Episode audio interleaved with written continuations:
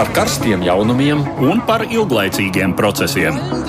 Par idejām, par cilvēkiem, par naudu un par laiku. Par abām mūsu planētas puslodēm, un lietojot abas smadzeņu puslodes. ēterā raidījums divas puslodes. Pūkstens pār trījiem, kas nozīmē, tātad laiks pienācis laikam, laiks raidījumam divas puslodes, kad runājam par to, kas tad notiek pasaulē. Kolēģis Edvards Liniņš devies šodien komandējumā, tādēļ studijā esmu bez viņa. Man sauc Aits Tamsons, un šodien glaš, grasāmies plašāk runāt par šādiem tematiem. Lielbritānijā tātad, kā dzirdat, notiek ārkārtas parlamenta vēlēšanas. Tām ir jākļūst par izšķirošajām Brexit sāgas turpinājumā. Vēl pirms dažām nedēļām premjeram Borisam Džonsonam aptaujas solīja ļoti pārliecinošu uzvaru. Tomēr šobrīd šis pārsvars ir sarucis. Par vēlēšanām arī runāsim mēs plašāk jau pēc dažām minūtēm. Pirmo reizi kopš ievēlēšanas šodien satikās Ukrainas un Krievijas prezidents. Divpusējā tikšanās bija īsa, bet kopā ar Vācijas un Francijas prezidentu sarunas bija garāks. Valstu vadītāji cenšas risināt situāciju Ukrainas austrumu apgabalos. Par kaut ko izdevās vienoties, tomēr par lieliem panākumiem runāt nevaram. Notikums strauji virzās uz priekšu Savienotajās valstīs, kur ir izvirzīts oficiāls apsūdzības impeachment procesā prezidentam Donaldam Trumpam. Jau nākamnedēļ varētu notikt balsojums kongresā, un tālāk jau viss turpināsies senātā, kur prezidenta pārstāvētajai partijai ir vairākums. Par Lielbritānijas vēlēšanām runājot, man ir arī lūgums klausītājiem, kas lieto Twitteri. Mums šodien ir Twitter jautājums, jeb aptauja jums, kas jūsuprāt būs nākamais Britu premjerministrs pēc šīm vēlēšanām tas pats Boris Džonsons vai varbūt arī Leivorists Džeremijs Korbīns. Tā aptauja ir atrodama Latvijas radio viens kontā Twitterī, bet nu, lūgums gan ir tuvākajās, jāsaka, divās, trīs minūtēs vēl tā aptauja būs atvērta, nobalsojiet. Kopā ar mums šodien studijā šeit ir ārpolitikas institūta pētniece Vineta Kleinberga. Labdien jums! Labdien. Un portāla Delfi žurnālists Filips Lastovskis. Sveiki! Labdien!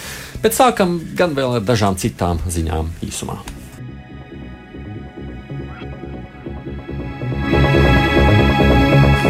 Francijā turpinās protesti pret prezidenta Emanuela Makrona iecerēto pensiju sistēmas reformu. Daudzas dienas ir paralizēta transporta kustība, arī radīts cits nērtības. Arotbiedrības, kas pārstāv Parīzes sabiedriskā transporta sistēmas darbinieks, ir paziņojuši arī, ka turpinās streiku, ar vien jaunas arotbiedrības soli iesaistīties. Makrons vēlas ieviest universālu pensiju sistēmu, nomainot pašreizējos 42 īpašos režīmus, ko bauda dažādās nozarēs strādājošie, sākot ar dzelzceļniekiem un enerģētikas sektorā strādājošiem, beidzot ar advokātiem un Parīzes operam darbiniekiem. Šīs atsevišķās sistēmas attiecīgajā nozarē strādājošiem bieži garantē lielākas pensijas un arī agrāku pensionēšanos. Taču arotbiedrības norāda, ka reformas ietekmēs arī miljoniem strādājošo privātajā sektorā, spiežot to strādāt arī pēc 62 gadu vecuma sasniegšanas, ja tie gribēs saņemt pilnu pensiju, kas savulaik tiem ir apsolīta. Liela daļa Francijas sabiedrības atbalsta streikotājus. Aptauja, kas tika veikta vēl pirms streika sākuma, liecināja, ka streikotājs atbalsta 60% aptaujāto. Baltkrievija ir gatava kopīgām mācībām ar NATO un risina par to sarunas par iespējamiem formātiem. Tā ir pavēstījis Baltkrievijas aizsardzības ministra vietnieks Oļegs Belokoņevs. Tas gan notikšot ar nosacījumu, ja NATO respektēs to faktu, ka Baltkrievijas strateģiskais partners ir un paliek Krievija. Tā ģenerāla štāba priekšnieka teikto citēja laikraksts Naša Ņīva. Iepriekš Baltkrievijas ārlietu ministrs Vladimirs Makējs bija paziņojis, ka Minska NATO darbības neuzskata par tiešu militāru draudu valstī, bet ņem tās vērā, plānojot savu militāro politiku un militāro politisko stratēģiju. NATO nākamā gada aprīlī un maijā plāno rīkot manevrus lielus, un šīs vērienīgās mācības, kurās piedalīsies te 40 tūkstoši ASV un citu valstu karavīri, notiks desmit Eiropas valstīs, arī Latvijā. Pamatā manevri notiks Vācijā, Polijā. Tajos piedalīsies 18 valstu pārstāvji. Šajā sakarībā Baltkrievijas prezidents Aleksandrs Lukašenko ir licis izstrādāt plānus atbildes reakcijai uz NATO un ASV militāro kontingentu izvietošanu pie savām robežām. Krievijas sportisti nonākuši kārtīgo grūto izaicinājumu priekšā. Pasaules antidopinga aģentūra pirmdien uz četriem gadiem diskvalificēja Krieviju, aizliedzot tai piedalīties pasaules lielākajos sporta notikumos. Krievijas oficiālās personas gan solījuši iesniegt apelācijas sporta arbitrāžas tiesā. Tomēr Krievijas antidopinga aģentūras vadītājs Jurijs Ganus ir atzīmis diskvalifikāciju par pamatotu un bez cerībām uz kādu Krievijai labvēlīgu spriedumu. Protams, Krievijā politiķi vaino rietumus sazvērstībā. Tomēr sportistiem jau šāda retorika nepalīdz. Nākamajās vasaras un ziemas spēlēs Krievijas sportisti nedrīkstēs piedalīties zem valsts karoga un drīkstēs to darīt tikai tad, ja būs pierādīts viņu nevainīgums dalībā Krievijas dopinga sistēmā. Tiesa, tas nenozīmē, ka Krievijā nedrīkstēs vispār rīkot jau kādas sporta sacensības. Piemēram, nākamā gada Eiropas futbola čempionātā ieplānotās četras spēles futbolā atcelt vairs nav iespējams.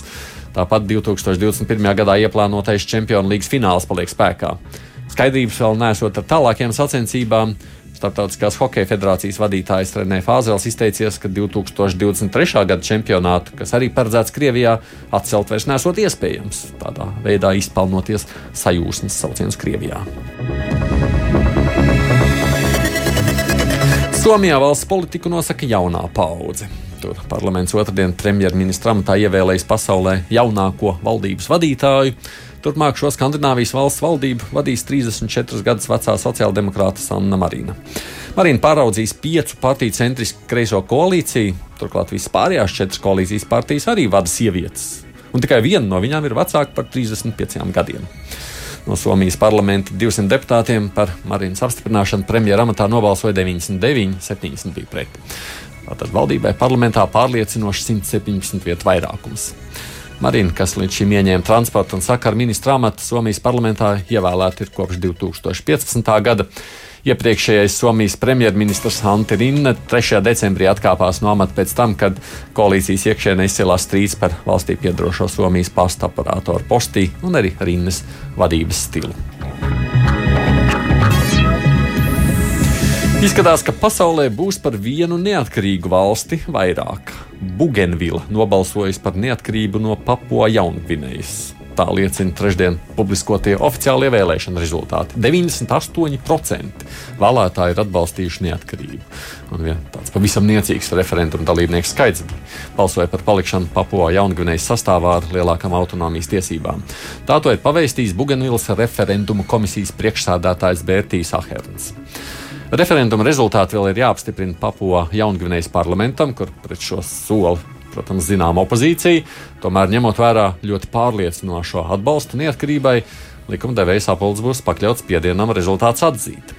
Ar šo referendumu ir noslēdzies vairākas desmitgades ilgšais miera process un teritorijas atgūšanās pēc nežēlīga pilsoņu kara starp Bugenvilas nemierniekiem, Papua Jaungvinējas drošības spēkiem un ārvalstu algotņiem, kas beidzās tikai 1998. gadā. Toreiz konfliktā dzīvību zaudēja 20 000 cilvēku, kas, kas ir apmēram 10% no teritorijas iedzīvotājiem.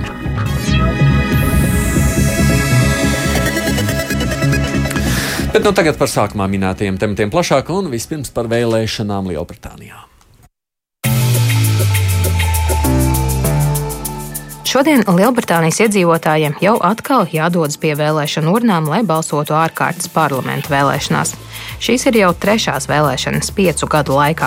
Britu premjerministrs Boris Džonsons ar šīm vēlēšanām cer iegūt parlamentāro vairākumu, kas spētu īstenot Brexit jau janvārī. Savukārt Leiboristu līderis Džeremijs Korbins Brexit jautājumā sola jaunu vienošanos un referendumu, kurā dotu cilvēkiem izvēli starp izstāšanos ar Leiboristu panākto vienošanos vai palikšanu Eiropas Savienībā. Tiesa Leiborists savā manifestā uzsvaru liek uz sociālām problēmām, nevis Brexit. Priekšvēlēšana maratonā redzamākās personas bijušas abu lielāko partiju līderi, un jāsaka, ka šādā līderu cīņā Džonsonam ir zināmas priekšrocības. Viņš ir mazāk nepopulārs kā viņa sāncensis Korbins. Vēl pirms nedēļas aptaujas rādīja, ka konservatīvie varētu iegūt stabilu vairākumu parlamentā, turklāt lielāko toriju vairākumu kopš 90. gadu sākuma. Tomēr, tuvojoties vēlēšanu dienai, pieaudzis atbalsts leiboristiem. Tam ir vairāk iemeslu. Pirmkārt, Britu mažoritārā jeb vienmandāta vēlēšana sistēma ir ļoti jūtīga. Pagājušās vēlēšanās bija apgabala, kur mandātu ieguva vien ar divu balsu pārsvaru. Nevelti Torijas atraucās par savu premjera Džonsona nespēju izrādīt empātiju pret četrgadīgu zēnu ciešanām, stundām guļot uz slimnīcas grīdas sakrautos mēteļos, gaidot ārstu palīdzību. Tas var maksāt Torijiem mandātus. Otrakārt, Liberāla demokrātu partija pēdējās dienās savus atbalstītājus aicinājusi balsot taktiski un izvēlēties laboristu kandidātu, ja ir skaidrs, ka citādi balss izšķīs starp laboristiem un liberāla demokrātiem un parlamentā iekļūtu Torijas. Liberāla demokrāta vēlas panākt, ka jāveido koalīcijas valdība un, kā norāda komentētāji, iespēja, ka parlamentā nebūs nevienas partijas ar vairākumu, ir pavisam reāla. Ja šis scenārijs tiešām piepildīsies, ļoti iespējams, ka Džeremijam Korbinam izdosies izveidot antitoriju valdību. Tad atgādinu, ko par mums studijā Vineta Klimberga un Filips Lastovskis. Kā jums šķiet, kurš tad būs ieguvējis no šīm vēlēšanām? Es domāju, tie aptaujas rezultāti, lai arī pasliktinājušies eh, tieši konservatīvajiem, jebkurā gadījumā rāda, ka konservatīvie varētu būt uzvarētāji. Jautājums, vai viņi būs absolūtie uzvarētāji. Šobrīd jau izskatās, ka vairāk jau ka nē, un ka ļoti iespējams, eh, ļoti iespējams eh, Lielbritānija atradīsies tieši tajā pašā situācijā, kā ir pašreiz kad uh, parlamentā vienai partijai nav vairākuma, un tad ir jādomā vai nu par koalīcijas valdību, bet tad ar ko tad būs koalīcija, vai nu jādomā par īpašu vienošanos ar kādu partiju, bet ar ko tad slēgš šo īpašo vienošanos, nu, respektīvi. Jā, nu vienīgi farāšu, ne, ka, nu jā. Brexit partija? Viņiem prognoze ir visniecīgākā no visiem šobrīd. Viņiem principā vispār neprognozē, no socioloģiskās aptaujas neprognozē iekļūšanu. Ko tu viņš tādu nogrēkojās beigās? Sākumā tas likās, nu, rulēs tūlītās viņa. Es domāju, ka viņa kā, galvenais iemesls tam ir tas, ka viņš pats ir paziņojis, ka viņš īpaši mm. necenšas uz iekļūšanu parlamentā. Viņš ir aicinājis visus mm. tos, kas vēlas Brexit, balsot par konservatīviem, nevis mm. par sevi. Ja mēs paskatāmies arī, es nezinu, tur, protams, nezinu, varbūt Ojārs Kudra jāaicina par tālu runāt, bet ja mēs skatāmies uz uh, Farāžu, tādu nu, ekspresīvu uzvedību, kā viņš uzvedās, kā, kā, kā viņš ar tādu populistisku soli strādā, tad nu, iespējams tur ir savas līdzības arī ar Borisu Džonsonu. Un, ja mēs skatāmies, kas ir tā niša, kur mēs varētu balsot par šo stingro nē vārdu Eiropas Savienības uzspiestajiem tur, uzpie, uz, uzspiestajām tur, prasībām un, un kā mēs aizstāvam Lielbritāniju, kas ir ārpus Eiropas Savienības, tad nu, Džonsons ir paņēmis to nišu savā, savā ziņā. Turklāt ievērojami lielākā mērogā nekā to iepriekš izdevās parāžu. Mm. Es domāju, šobrīd uh, ir redzams, ka visas partijas mēģina uh, Eh, panākt parlamentu, kurš nav tik sadrumstalots. Nu, Farāžs aicina balsot par konservatīviem, nu pat dzirdējām, ka liberāla demokrāta aicina balsot par uh, Korbinu, vai ne? Nu, attiecīgi, lai šīs balsts kaut kur neizšķīst. Līdz ar to vai nu viens bloks, vai mm. nu otrs, vai nu tie, kas izstājas, vai nu tie, kas iespējams paliek. Mm. Nu, no tāda viedokļa skatoties, varbūt tā viņa sistēma ir pareizāka nekā mūsējās. Vismaz, nu, kad, kad ir krīze, tad visi gatavi konsolidēt savus uzskatus, pat ne, nesavējo virzienā. Mēs varētu pagaidīt tos rezultātus un tad redzēt, vai tas tiešām tā notiek. Darbos, jā. Jā, bet nu, tā, tas ir viens no jā. variantiem, gudrā balsošana. Jā. Katrā gadījumā, ja mēs nu, pirms nākšanas uz šo sarunu, skatoties, ko Lielbritānijā eksperti un politologi par šo arī domā, un klausoties, ko viņi saka. Mm -hmm reti kurš uzdrīkstās prognozēt precīzi kaut ko. Tiešām tur ir cilvēkiem ir jau tāds juceklis izveidojies pēdējo gadu laikā, un arī šobrīd pēdējo nedēļu, mēnešu laikā saistībā ar notikumiem Lielbritānijā, ka cilvēki neuzdrošinās tā. Nu, tā pašā laikā nav noslēpums, ka šīs ārkārtas vēlēšanas jau visvairāk gribēja, man liekas, tieši laboristi jau iepriekš jau sakot, ka viņi grib vēl, tas bija viņa mērķis uz to iet bija jēgas uz to tādā veidā virzienā. Viņi nav pārreķinājušies. Es domāju, ka laboristi noteikti ir pārreikinājušies, jo Korbina popularitāte jau iepriekš nebija spīdoša. Acīm redzot, viņi cerēja iespējams uz šo palikšanas kārti. Un varbūt cerēja, ka sabiedrībā to palicēju ir vairāk nekā, nekā viņa patiesībā. Bet, nu, nu, viņi jau gan ļoti nav spieduši uz to kārtu. Viņi jau arī tur tādu nu, viņi, jā, par, tā, tā. par, par reformām. Bet uh, katrā ziņā cerēt uz vairākumu parlamentā, atstājot par līderi Jeremiju Korbinu, nebija pareizais solis. Mm. Uh, man liekas, ka interesanti arī, ka. Mm, No vienas puses, jā, Korbinam ir tā, tad Korbina pusē ir šis stāsts par vēl vienu iespējamu referendumu Lielbritānijā. Tātad, ja nu, tas sakot, izpildījumā tā, ja viņi uzvar, tad viņi piedāvā jaunu, jaunu darījumu ar Eiropas Savienību. -hmm. Un tad, kad viņi vienojās par šo darījumu, tad viņi šo darījumu liktu uz balsošanu. Tas ir tas vēlēšanu solījums. Bet kas atkal tāds garais? Garais. Garumā vilkšanas. Bet tur, ar, bet tur ir šis referendums kā solījums, bet tas nav fokus tur fokusā ir nonākušas tādas lietas, kas es, man bija pašam pārsteigums, kas ir, ko nu, par Lielbritānijā, gan par privatizāciju viņš daudz runā, un, tur, un, un, un, un tostarp par ves, Nacionālā veselības dienesta. Un, un šobrīd ir tāda.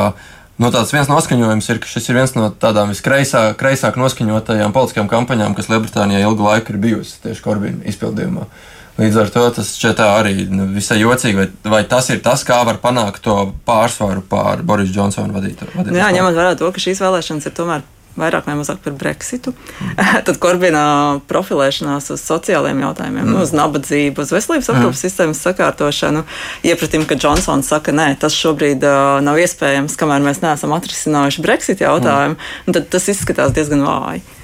Mm. Nu, jā, bet tas nozīmē, ka viņi kaut ko nav izreikinājuši paši. Jā. Tā no malas man kolēģi saka, te, ka aptaujas rādot, ka viņi klausītājiem šķiet šobrīd tas primārais jautājums ir Brexit jāatrisina, un tad visas pārējās lietas varētu darīt. Protams, bet man liekas, ka interesanti vēl trešā, varbūt, trešā puse, ka varbūt to rezultātu nosaka nevis tas, ko dara Korbins vai nedara Korbins, bet kā iedzīvotāji spēj mobilizēties eh, ar savu attieksmi pret Brexit.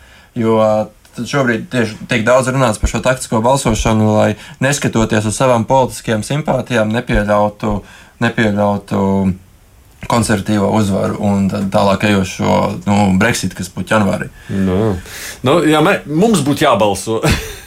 Tad tie daži desmit, kas balsoja mūsu Twitterī, 60% nobalsoja par Johnsonu, 40% par Korbinu. Ļoti līdzīgi. No, nu, tā sadalījums. tā kā mēs arī varētu tādā veidā mm. ievēlēt. Bet mēs pielikām, mums vēl tad liberāļus vajadzēja pielikt. Nu, nē, mēs tos nelikām. Mēs, jā, pie, nu, es saprotu, tiem pāriem nespīd premjera amats, laikam viņiem nespīd. Ne. Mm. Premjera amats viņiem nespīd, bet viņi varētu būt attiecīgi partneri vienā vai otrā gadījumā. Zelta kārtas, klišejas kā. Mums arī slakst šādi par vēlēšanu iznākumu var teikt, ka tas būs tikpat neparedzējams kā referendums. Skaidrs ir tikai viens, ka maza priekšrocība ir konservatīvajiem ar Ziemeļīrijas atbalstu, jo viņi tiek uzskatīti par potenciāli spējīgāko valdības partiju. Pārējās pēc šausmīgiem makroekonomikas stagnācijas gadījumiem, ko vairums britu vēl nav aizmirsuši, netiek vērtētas. Nu, tāds skats no malas. Mm. Nu, starp citu, pirms raidījuma mēs sazvanījām Lielbritānijā dzīvojošo latviešu juristu Inesu Jugbo, ko tad viņa saka par to gaisotni vēlēšanu dienā, kā viņa saka, tad viņas tajā konservatīvajā galā, kurā viņa dzīvo, esot itin mierīgi. Nu, redz, man liekas, ka tā lielākā starpība starp Latviju un, un, un Lielbritāniju ir tieši tās dažādas uh, vēlēšanu sistēmas. Jo šeit ir nu, ka, kat, no katra apgabala ievēlu vienu to, to deputātu. Nu, tad atkarībā no tā apgabala, cik izteikti viņš ir vai nu konservatīvs, vai nu leiborists, vai, vai nu tur vēl kaut kādas citas partijas ir izteikts.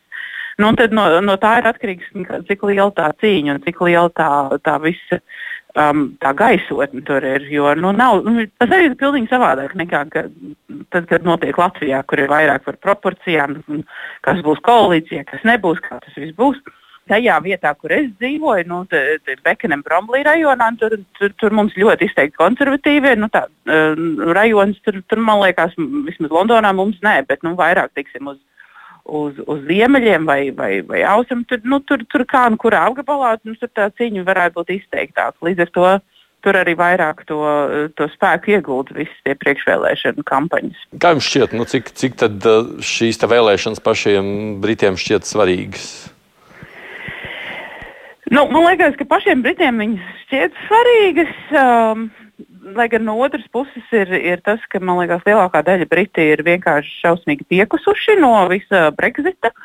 Skatoties to statistiku, nu, man liekas, ka tur, tur diezgan skaidrs ir, ka konservatīvie visticamāk uzvarēs. Jautājums ir, vai viņi uzvarēs tā, ka viņi vien paši varēs veidot valdību un dabūt to līgumu cauri.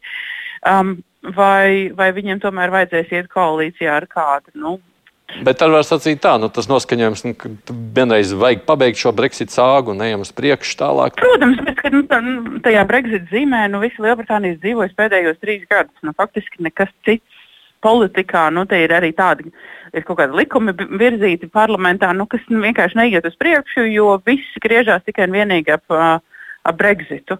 Vienu brīdi šķita, nu, ka tās bailes no Brexit varētu būt pietiekoši pamats, lai varbūt kāds gribētu to stūri griezt atpakaļ.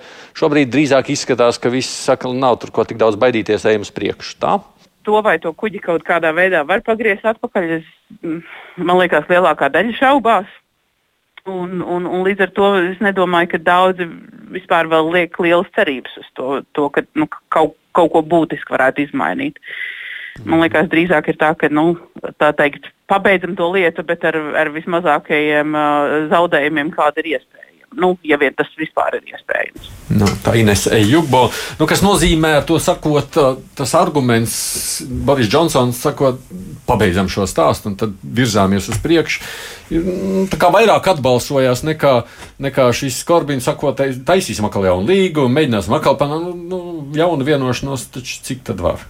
Ne. Es domāju, ka pilnīgi noteikti Lielbritānijas iedzīvotāji varētu būt ļoti noguruši un gribētu vienkārši to visu beigt. Jauns līgums nozīmē, nu, varbūt atkal gadu tagad mēģinās vienoties par jaunu līgumu, jo mēs zinām, ka Korbins gribētu daudz mīkstāku līgumu, teiksim, vairāk par tirzniecības zonu un tam līdzīgi. Līdz ar to tur atkal būtu virknē tehnisku detaļu, kas būtu jāsaskaņo, tas ilgtos ilgi.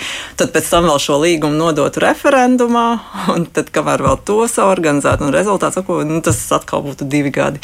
Es pieļauju, ka daļai Lielbritānijas iedzīvotāji tas viss jau ir eh, ļoti apnicis, un tāpēc daļa varētu vienkārši izvēlēties taktiski balsot par Borisu Džonsonu.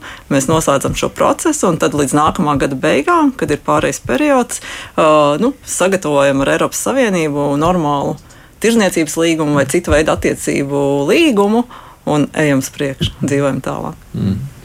Savukārt, ja runājam par tādu nezinu, harizmu. Nu, Džonsonam ir sava harizma tomēr. Ir? Es nezinu, vai harizma ir tas īstais vārds. Nav. Viņš noteikti ir ļoti ekspresīvs cilvēks. Nu. Bet vai tā ir? Tā, jo ar harizmu mēs arī bieži runājam par nu, tomēr, nu, tā, pozitīvā kontekstā. Vai tādā kontekstā, kas spēj pārliecināt cilvēkus, veist cilvēkus, būt līderim. Šajā gadījumā Boris Džonsons uzmanību vairāk izpēl, izpelnās ar skaļumu. Un arī turklāt viņš jau nu, vairāk kārt ir faktu čekeri un faktu pārbaudītāji. Daudzkārt jau ir pieķēruši viņu nu, nu, burtiski melojot. Un es neteiktu, ka tas cilvēks ir harizmātisks tā vārda šādā tipiskā izpratnē. Es teiktu, ka Boris Džonsons ir harizmātisks, līdzīgi kā harizmātisks ir Amerikas prezidents Donalds Trumps.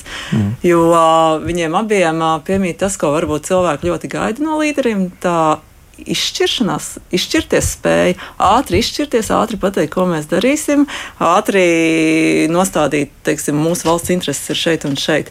Pat ja tas neatbilst patiesībai, pat ja viņi melo, tad uh, varbūt tieši šī lemt spēja ātri to izdarīt, tas varētu būt tas, kas cilvēkiem patīk. Hmm. Ah, nu, ko gaidām šo nakti? Ja? Ap desmitiem, laikam, pirms no, slēdzās, būs, pēc Latvijas laika slēdzās kantori. Un, tad viņiem būs tie aptaujas rezultāti pie vēlēšanu iecirkņiem. Es saprotu, ka pēc desmitiem ir pir, pir, pir, pirmie aptaujas. Kas nu, pēc, pēc viņu laika? Pēc viņu, pēc viņu ja? okay. Mums pusnaktī. Jā, jā mums ah, pusnaktī. Un tad no rīta savukārt jau parādās oficiālie vēlēšana. Es domāju, ka pa nakti jau būs skaidrība kaut kāda. Lielbritānija ātri skaita. Mēs skatāmies iepriekšējos vēlēšanu rezultātus. Mēs ļoti ātri esam uzzinājuši. Jā, tā kā es domāju, ka naktī jau. Tad, tad gulēt neejam, ja? Kam interesē tieši šonakt gulēt neiet?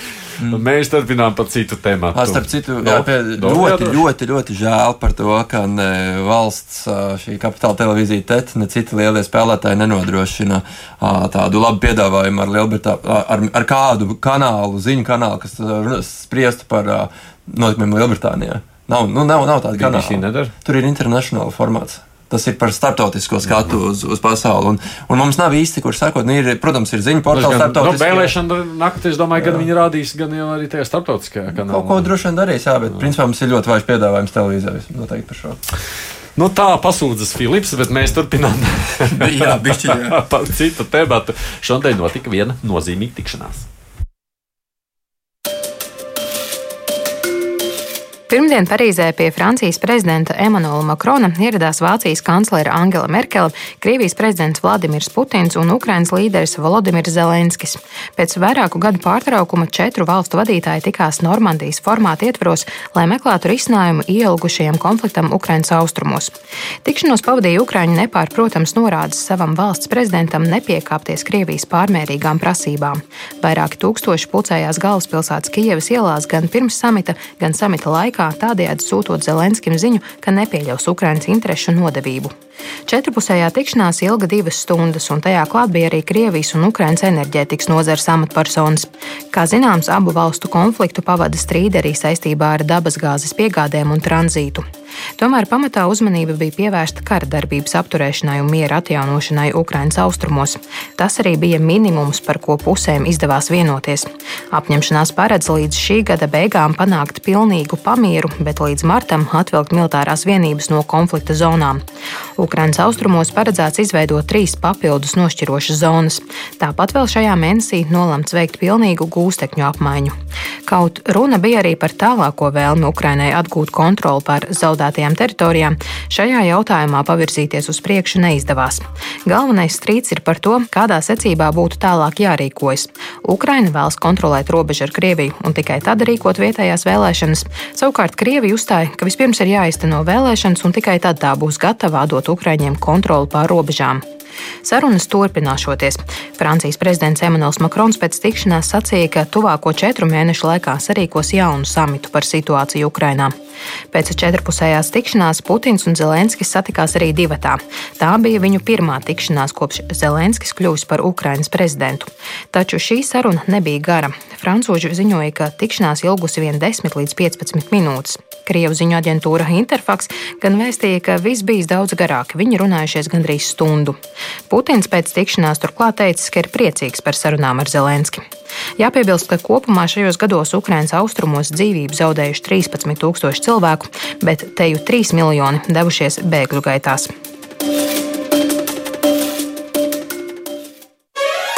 Divas puslodes! Atgādījums studijā šeit arī ir ārpolitikas institūta pētniece Vineta Kleinberga un portāla Delfa žurnālists Filips Lastovskis. Ko jūs sakāt par šīs tikšanās rezultātiem? Nu, jā, mums uh, Parīzē bija divi reportieri šoreiz. Bija gan Laura Zērva, gan, gan uh, Anna Udre, kā korespondenta Aštata klāt. Un tas tā pirmā sajūta bija, ka nav būtisku tādu rezultātu, tādu izmērāmu, ko, par ko šis četrnieks būtu vienojies. Ka nav tādu būtisku pārmaiņu. Līdz ar to sanāk tas interesantākais, ko vērtēt, sanāk, ka drīzāk tā Zelenska un Putina kaut kā tikšanās, un kā viņi viens pret otru izturās, vai kā viņi spēj komunicēt, nevis tas, par ko viņi ir novienojušies kā par kaut ko jaunu, jo būtiska progresa nebija. Ir kaut kādi šie punkti, kur ir. Nu, nu, Gūstekņa apmaiņa. Gūstekņa apmaiņa, kas ir, kas ir notikusi arī iepriekš. Nu, tas nav kaut kas uh, tāds, par ko mēs varētu runāt, ka tas ir kaut kas ļoti būti, būtiski tāda pārmaiņa. Jo visi jau cerēja un, un, un cer un, un, un domā, protams, par šo vienošanos par to, kā varētu noturēt pašvaldību vēlēšanas nu, šajā nu, reģionā, kurā brīdī mēs pārskatām robežu un, un nemaz nerunājot par Krimu, kas jau ir tur vispār nos no galda. Nu, Krimu šoreiz nebija vispār sarunās pieminēt. Kā, nu, tas būtu mans, mans skats. Es nezinu, varbūt kolēģis citādi. Es domāju, ka šī tikšanās Jā. ir sasniegums pat par sevi. Tas, ka ir notikusi tikšanās, un tas, ka ir atsāktas sarunas mm. šajā Normandijas formātā. Skaidrs, ka no pirmās tikšanās neko lielu gaidīt nevar. Tas ir mm. vairāk diplomātisks solis, manuprāt, kurā papīrā tiek apstiprināts tas, kas principā procesā jau notiek. Mm. Uh, trīs lietas uh, šajā komunikē ir apstiprinātas. Arī tās, ko Zaļenskis pirms tam bija izvirzījis kā, kā punktus uh, sarunām ar Krievijas prezidentu, respektīvi vienošanās par pilnīgu pamieru, mm. uh, pilnīgu pamieru panākšanu līdz uh, gada beigām. Pilnīga gūstekņa apmaiņa līdz gada beigām, mm. tas ir dokumentā ierakstīts. Plus uh, uh atbruņošanās līdz uh, nu, reģiona atbruņošana, militāru spēku atbruņošana līdz nākamā gadā aprīlī, ja nemaldos. Un šīs trīs lietas ir, protams, papīrā nav nekā par robežu kontroli mm. Ukrainai. Un, tas ir tas savukārt galvenais punkts. Nu, tā saucamā sarkanā līnija pašam Zaļenskim sarunās ar, ar Krieviju par to, ka robežu kontrole Ukrainai ir jāatgūst pirms notiek vietējās vēlēšanas. Mm. Savukārt Krievijas prezidents uh, ir gatavs uh, to darīt tikai pēc vēlēšanām. Tā kā nu, šobrīd puses ir vienojušās, ka pie sarunām atgriezīsies pēc četriem mēnešiem, lai runātu par vēlēšanām, un skatīsimies, kas notiks. Vispār var iznākt kaut kas vairāk, spriežot pēc tā, ka nu, katrai tā savu pozīciju ir diezgan skaidra. Nu, vismaz Parīzes tikšanās, manuprāt, par to neliecina. Nu, jo jā, ir šie pāris punkti, ko mēs apspriedām gan par, gan par gūstekņu apmaiņu, gan par uh, vispa, visaptverošo, kā kā viņš tika nosaukts, visaptverošais miera, pamiera noslēgums, vai kā viņam novienojās. Tas jau, nu, tas neliecina nekādā veidā par progresu, kas varētu notikt ar šo robežu kontroli. Jo šīs lietas, kā jau kolēģi minēja, ir nu, drīzāk jau procesā esošas un būtu panākts arī bez konkrētas tikšanās Parīzē, kuru nevajag Zelenska blakus Putinam. Bet nu, cik daudz tad Ukraiņas prezidents, pieņemsim, ja skatāmies no Ukraiņas puses, cik viņš vispār var piekāpties, ņemot vērā to ļaužu noskaņojumu, ko cilvēki tā nepārprotam demonstrē šajā reizē?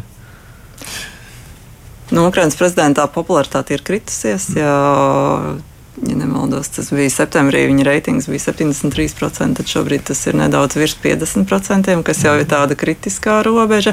Līdz ar to tas nozīmē, ka pārāk daudz jau viņš vairs piekāpties nevarēs. Es domāju, ka priekš viņa robeža jautājums būs izšķirošais eh, nu, tam, lai nākotnē virzītos priekš. Mm. Neatrisinot šo jautājumu, es šaubos, vai teiksim, viņš akceptēs to, ka notiek uh, vietējās vēlēšanas uh, Ukraiņas austrumu reģionā. Mm.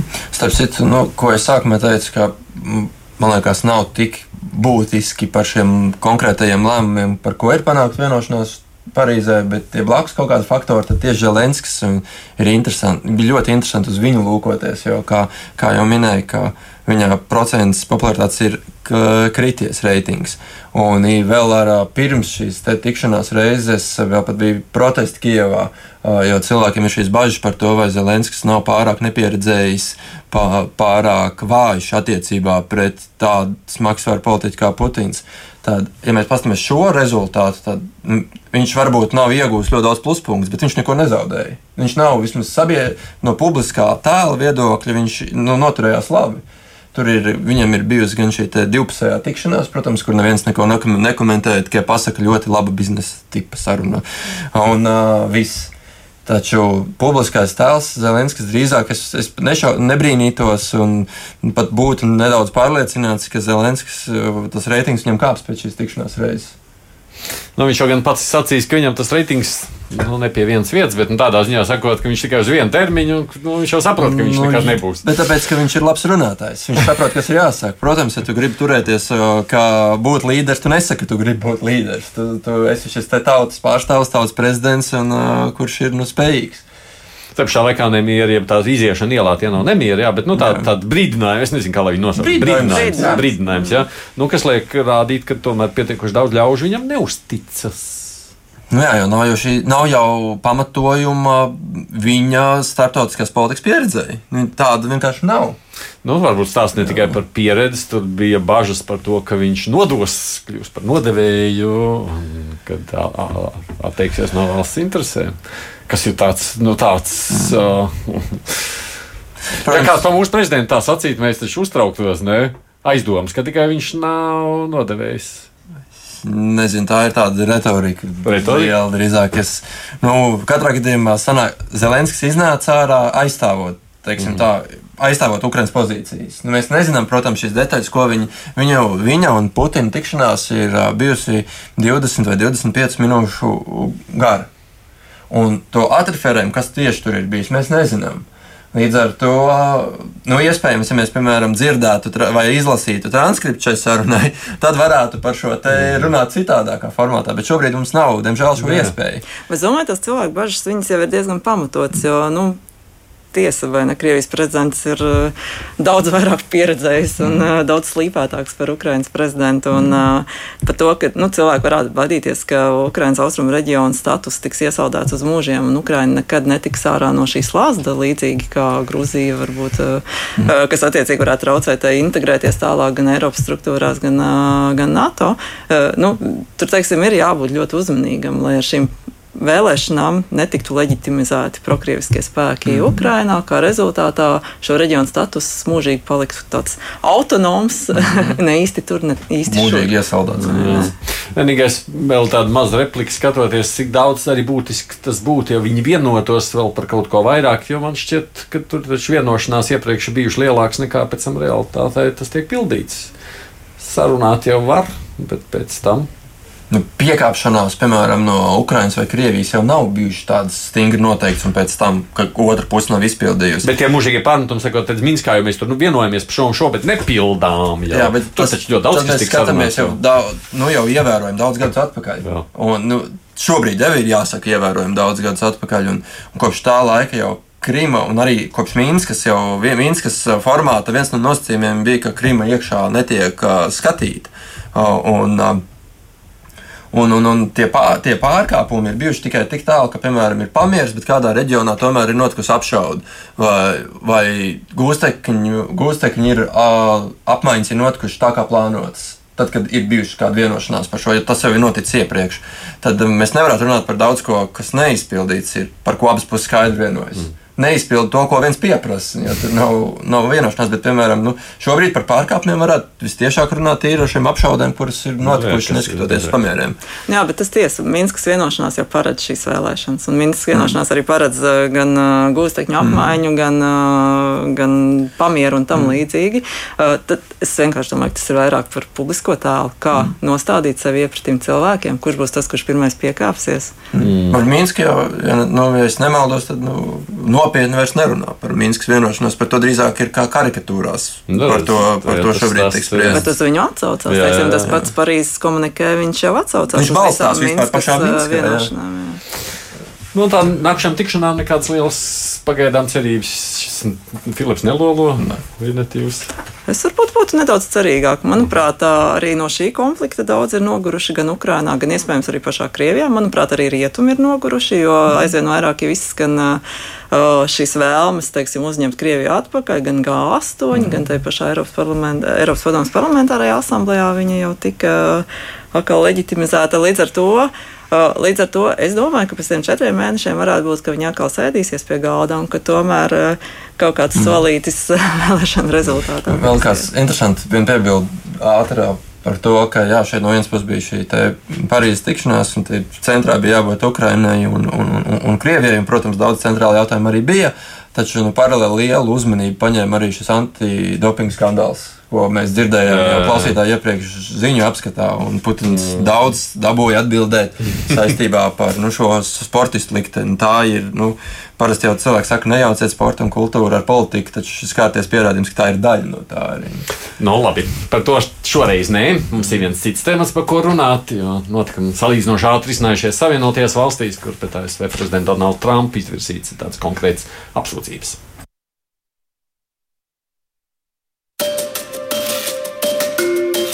Demokrāti ASV pārstāvju palātas tieslietu komitejā otrdien paziņoja par divām apsūdzībām impeachmenta procesā pret Donaldu Trumpu. Trumps apsūdzēts prezidenta amata pilnvaru ļaunprātīgā izmantošanā un kongresa darba traucēšanā. Mūsu prezidentam ir augstākā sabiedrības uzticība. Kad viņš nodod šo uzticību un nostāda sevi virs valsts, viņš apdraud konstitūciju, viņš apdraud mūsu demokrātiju un viņš apdraud mūsu nacionālo drošību. Tā otrdien paziņoja Tieslietu komitejas priekšsēdētājs demokrāts Džerijs Nādlers. Oficiālajā rezolūcijā Trumps apsūdzēts varas ļaunprātīgā izmantošanā, aizkavējot palīdzību Ukrainai, ja tā nepaziņos par izmeklēšanu saistībā ar Trumpa sāncensi. Trumps arī apsūdzēts par kongresa darba traucēšanu, liekot federālajām amatpersonām ignorēt pavēstis, ar kurām tās izsauktas liecināt impeachment izmeklēšanā. Visā šajā prezidents Trumps rīkojies pretrunā tai uzticībai, kas dāvāta viņam kā prezidentam un graujoši attiecībā uz konstitucionālo valdību, radot lielu kaitējumu likuma un taisnīguma lietai, kā arī nodarot kaitējumu Savienoto valstu tautai. Tā teikts rezolūcijā. Kā zināms, Trumps visas viņa virzienā vērstās apsūdzības noliedzis. Arī Ukrainas prezidents Zelenskis nostājies Trumpa pusē, sakot, ka viņam nekādas vienošanās ar Trumpu nav bijis, un viņš Trumpa teikto kā spiedienu nav izjūtis. Tomēr demokrāti apgalvo, ka gūti daudz pierādījumu par to, ka Trumps ļaunprātīgi izmantojas amata pilnvaras un traucējas izmeklēšanai. Tieslietu komiteja iespējams apsūdzībās vēl izdarīs kādas izmaiņas, pirms tās tiks nodotas balsošanai pārstāvju palātā. Pats balsojums kongresā paredzēts nākamnedēļ. Tā kā tajā vairākums ir demokrātu, domājams, ka kongress par prezidenta atstādināšanu nobalsos un tad process nonāks republikāņu kontrolētajā senātā. Visticamāk, ka tur debats par impeachmentu sāksies nākamā gada sākumā. Tomēr, kā norāda komentētāji, nav gan arī nekādu cerību, ka Trumpa pretiniekiem izdotos pārliecināt vairāk nekā 20 republikāņu senatorus nostāties pret savu prezidentu. Līdz ar to impeachment process tur visticamāk arī apstāsies. Taču daži komentētāji norāda, ka demokrāti impeachment procesu, kam ir lemts izgāzties, vēlas izmantot, lai mobilizētu dusmīgus vēlētājus nākamā gada prezidenta vēlēšanās. Bet tā jēga no visas tā procesa, jūsuprāt, ja mums gandrīz droši paredzam, ka nekāda impeachment, jeb atstādināšanas nebūs. Vēlēšana kampaņa būs interesanta. Demokrāti varēs uh, izmantot, nu, ja, ja, ja notiek tā, kā tikko ziņu apskatā teica, mm -hmm. jo visticamāk, ka uh, senā, senātā ļoti ātri republikāņi apstādina visu šo pasākumu un uz redzēšanos. Tad uh, nāko, nu, jau notiekošajā patiesībā prezidenta vēlēšana tajā, nu, kampaņā. Uh, Demokrāti varēs teikt, ka šeit ir nu, antidemokrātisks process, ka nav gatavi runāt tā caurspīdīgi un atklāti par nu, Donalda Trumpa prezidenta gaitām. Es domāju, noteikti demokrātija izmanto jebkuru kārti, lai diskreditētu Trumpu. Kaut arī šajā gadījumā, protams, ļoti pamatoti. Mm. Bet jautājums, vai vēlētājiem tas ir svarīgi? Es domāju, liela daļa to cilvēku, kas balsoja par uh, Trumpu, mm nebalsoja par viņa tā saucamajām demokrātiskajām kvalitātēm, balsoja citu iemeslu pēc. Bet no otras puses, no nu labi, jau šobrīd tas viss notiek nu, tā, redzam, tu visu laiku par to jārunā. No otras puses, process beigās ātri aizgājis. Tātad, nu, viņi jau grib jau nākamā nedēļa nobalsot, jau Ziemassvētkus jau pāriest jau prom uz senātu. Ja janvārī tas viss beidzas vēlēšanas, tad kur vēl tikai rudenis, vai ne? Nē, tas ir izdevīgi. Tā, Nē, ASV, ASV ir cits piemērs. ASV, nu, jau tas sprints sākās prezidenta vēlēšanu termiņu vidū. Respektīvi, jau pēc tam, kad prezidents ir divus gadus novadījis, tad tā otrā nu, gada jā. beigās jau sākās aktīva vēlēšana kampaņa. Līdz ar to gads ASV kontekstā jau ir, pie, ir spriegums. Jā, ir spriedzes. Ne, spriegums bet, nu, tur ir jau pieteikamā spriedzes, ir uzskaitāta. Bet gadu laikā jau viss var nomainīties. Ne? Es pilnībā piekrītu tam, ka novembrī, kad ir plānotas vēlēšanas, ka ļoti iespējams jau būs vesela virkne citu skandālu parādījušies. Un, šis būs piemirsts. Un šis jau būs piemirsies, bet nu, tajā pašā laikā teiksim, šis un šobrīd varbūt pat kalpo par labu kaut kādā mērā pašam Trumpam, atkal viņu aktualizējot, atkal viņam ļaujot uznākt ar uh, saviem izgājieniem. Hmm. Mūsu dzird šobrīd Rīgas Stadiņu universitātes pasniedzējs Mārs Anģāns, kurš kādu laiku jau dzīvojis pa Ameriku, vai ne? Māri, jūs mums dzirdat. Sveicināti, jā. Sveicināti. Jums rīts, mums vēl pēcpusdiena, jau pēcpusdiena. Ko Amerikā saka par visu šo impeachment lietu? Kā tur izklausās uz vietas? Vai, nu, ļoti atkarīgs, kas uh, saka, jo, nu, nu, domāju, labākais vārds, ar ko raksturot situāciju, ir polarizācija. Jo masu mēdīji arī ir, ir ļoti sadalījušies nu, divās lielās nometnēs. Uh, tie, kas uh, vairāk aizstāv demokrātus, tie, kas uh, republikāņus, un tie vēstījumi ir pilnīgi pretēji. Arī, ja pastaigā pa pašu kongresu, tad nu, tur ir atklāti redzams, pie kura kongresmeņa uh, ieiet vai nu uh, Fox News, vai nu CNN, vai kādi citi kanāli, nu, kas uzreiz var sajust to gaisotni. Viņi ir pilnīgi citādāk no kabineta uz kabineta. Mūsu neitrālie mediji tādā izpratnē liktos galīgi garlaicīgi. Jā. Nu, kā to ņem? Nu, Tāds sajūta, ka Eiropā vairāk nu, demokrātu uh, pusē uh, skatās. Nu, tā, tas priekšstats šeit Amerikā ir, ir tāds citādāks. Nu, gan vēlētāji vairāk polarizēti, plašsaziņas līdzekļi, nu, saka, viss, gan, gan arī biznesa vide. Uh, situācija nav tik vienkārša. Nav tā, ka visi uh, iet un atbalsta Trumpa atstādināšanu. Viedokļi tiešām ir ļoti, ļoti dažādi. Kāds tad izskatās būs šī impeachment procesa ietekme uz vēlēšanām, uz vēlētāju noskaņojumu? Nē, nu šobrīd aptaujas dažādi rāda, ka nu, tā vidēji kādi 5 no 10 vēlētājiem atbalsta atstādināšanu, bet 4 no 10 aptuveni neatbalsta. Un tagad nedaudz vairāk ir tādi, kas, kas nu, atbalsta šo procesu, bet nu, pietiekami daudz tādu, kas ir pretējās domās. Un ieteikumi visticamāk liela nebūs. Ir ļoti grūti pateikt, nu, kas vairāk no tā iegūs.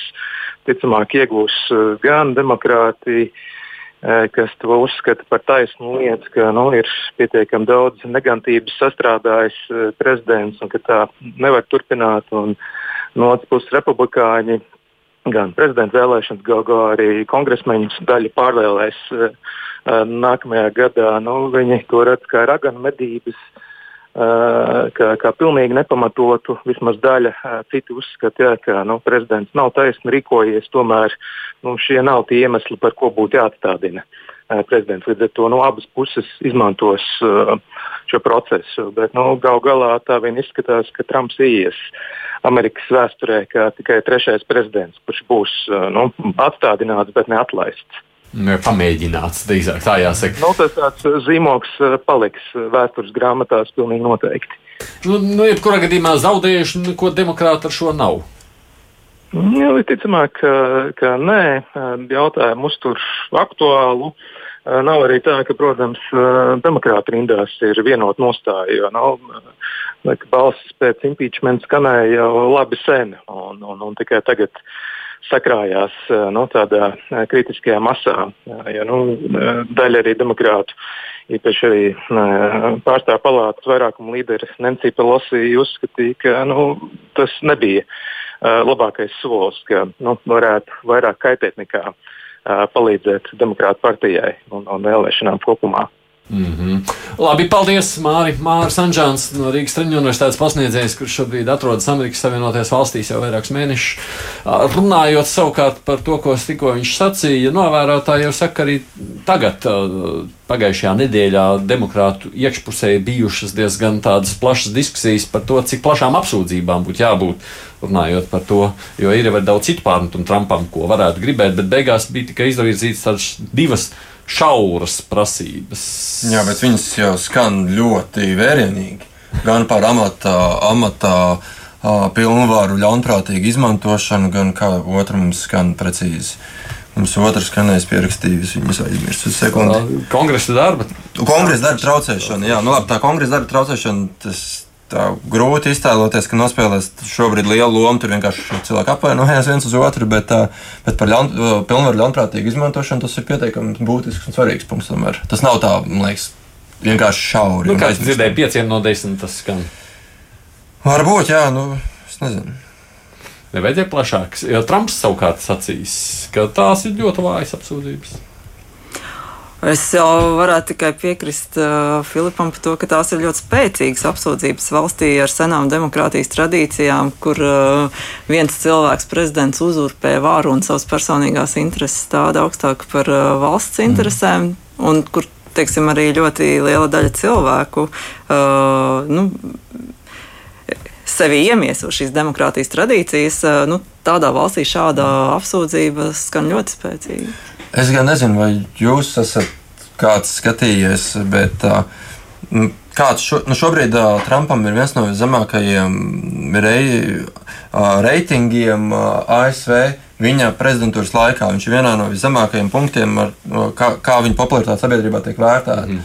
Un tad, kur viņš ir šobrīd, Un, labi, ja tas gads līdz nākamajām vēlēšanām jums, piemēram, var šķist pa garu, tad interesanti būtu redzēt pēc mēneša, piemēram, kas notiek ar šo reitingu, vai šis impeachment process kādu ietekmi atstāja tur. Jo to mēs uzreiz varētu redzēt. Nu, līdz šim jau es sacīšu, ka viņš ļoti minimāli ietekmi ir atstājis mm. uz vēlētāju noskaņojumu. Nu, jā, šos pašus dot, datus neesmu labi papētījis, bet pēc mēneša būtu interesanti. Tiešām, nu, pēc mēneša vai patiesībā pēc Ziemassvētkiem jau varētu, jo to reitingu ātri atjaunot nu, ASV. No, šajā reizē viss notiek kongresā. Šajā brīdī viss tā vārīšanās, nu, kongresa tur uzstājās televīzijā un tam līdzīgi. Pēc tam viss būs senātā, un tur jau tas skanēs cits balss. Un, un droši vien, ka būs cita retorika, kas varētu nospēlēt atkal par labu vairāk Trumpam. Ne? Nu, varbūt. Jā, nu, viss izklausās loģiski. Nu, visticamāk, nu, protams, senā sanāca pievērsties lielāku uzmanību šajā gadījumā. Bet no otras puses, kā, nu, ko nozīmē lielāku? Pat šobrīd, ja mēs paskatāmies uz, uz, tiem, uz to pašu Foxu vai uz citiem vadī, vadošiem konservatīviem noskaņotiem mēdījiem ASV, tad tas ir viss, kas šajos ziņu kanālos notiek. Tur visu laiku tiek stāstīts, ir ep epizodes no, uh, no šīm noklausīšanās reizēm, un, uh, un, un Donalda Trumpa citāti par to, kā šis ir raganu medības. Un, un šobrīd jau ir ļoti liela uzmanība tam. Līdz ar to, vai tas, ka tas nonāk senātā, īstenībā varētu pārsvārstīt to reitingu, iespējams, arī nē. Nu, es, es nemācīšu to. Man paša pārsteidz tas, ka, nu, ja mēs salīdzinām teiksim, cik daudz raksta un cik detalizēti un cik liels ir emocijas par šo gadījumu, nu, kas attiecās uz Ukrajinu un palīdzības apturēšanu Ukrajinai, tieši saistībā ar uh, priekšvēlēšanu kampaņu. Un to, kas bija pēc uh, pagājušām vēlēšanām un par Krievijas ietekmi mm. Trumpa vēlēšanu kampaņā, man liekas, ka to laiku tas viss bija daudz aktīvāk, aktuālāk un, uh, un daudz vairāk tika ap, aprakstīts. Šobrīd par to runā un raksta, bet uh, nu, man ir tāds sajūta, ka varbūt teiksim, Ukraina nav tik būtisks spēlētājs Amerikas eh, iedzīvotāju apziņā, kāpēc varbūt tas arī nespēlē tik lielu lomu. Protams, svarīgs mm. faktors ir, ka uh, uh, šis faktors tiek izspēlēts iepratim, uh, iepratim Trumpa sāncensiem, nu, lai izmeklētu darbības, kas saistītas ar viņu. Mm. Bet uh, nu, man tāda sajūta, ka, piemēram, ja tajā visā figurētu Krievija, ka varbūt ka varētu būt daudz uh, lielākas, Asāk, asākas debatas mm. un diskusijas. Varētu jau būt. Lai gan, tur, protams, ik pa brīdim Krievijas stāsts jau vēl nav norimies. Protams, Mēs tikai dzirdējām kaut kādu ziņojumu par to, cik tā izmeklēšana bija pamatota. Varbūt tas arī kļūst par vienu no tādiem nogurušajiem tematiem blakus Brexitam, jo nu, mēs jau visu Trumpa, visu Trumpa pilnvaru termiņu dzirdam šīs apsūdzības, un ne tikai apsūdzības, arī, arī faktiloģiskus pierādījumus, ko nodrošinājuši nu, ASV vadošie mēdīji kam nu, nevarētu. Un izmeklētāji. Un, un izmeklētāji, jā, protams. Tā kā tas. Nu, Kleinbergs šodien teica, ka mums vēl nākamajā gadā būs daudz citas lietas, Trumps sagādājis, par ko runāt. Ja? Viņš nepārspēja. Gan arī vēl priekšā. Par to es nešaubu. Mm. Viņš, viņš, viņš bet tas ir jāņem vērā, ka tas, kas šobrīd notiek, tā jau ir vēlēšana kampaņa. Tas ir fakts. Tas nav no vēlēšanām atrauts notikums. Tā ir absolūta vēlēšana kampaņas daļa. Pat nu, demokrātiem, protams, ir pamatojums celt šos, ir normāls pamatojums celt šo impeachment procedūru, taču viss tas pasākums ir pamatīgā, pamatīgā vēlēšana kampaņas tādā mērcē. Kad ir vēlēšanas? Kurā? Novembrī. Novembrī jā. Jā, tas nozīmē, ka nākošajā gadā Trumps vēl mūsu uzmanības lokā būs daudz. Paldies, ka bijāt šeit. Jūs savukārt Delfs žurnālists Filips Lastovskis, ārpolitikas institūta pētniece Vineta Kleinberga. Paldies. Paldies, Paldies. jums! Studijā bija arī Esaidis Tomsons, mūsu producente, kā vienmēr Ieva Zeiza. Tiekamies mēs atkal šeit pēc nedēļas. Nu, šajā pašā laikā lūkosim, kas notiek pasaules politikā abās divās zemes puslodēs. Divas puslodes!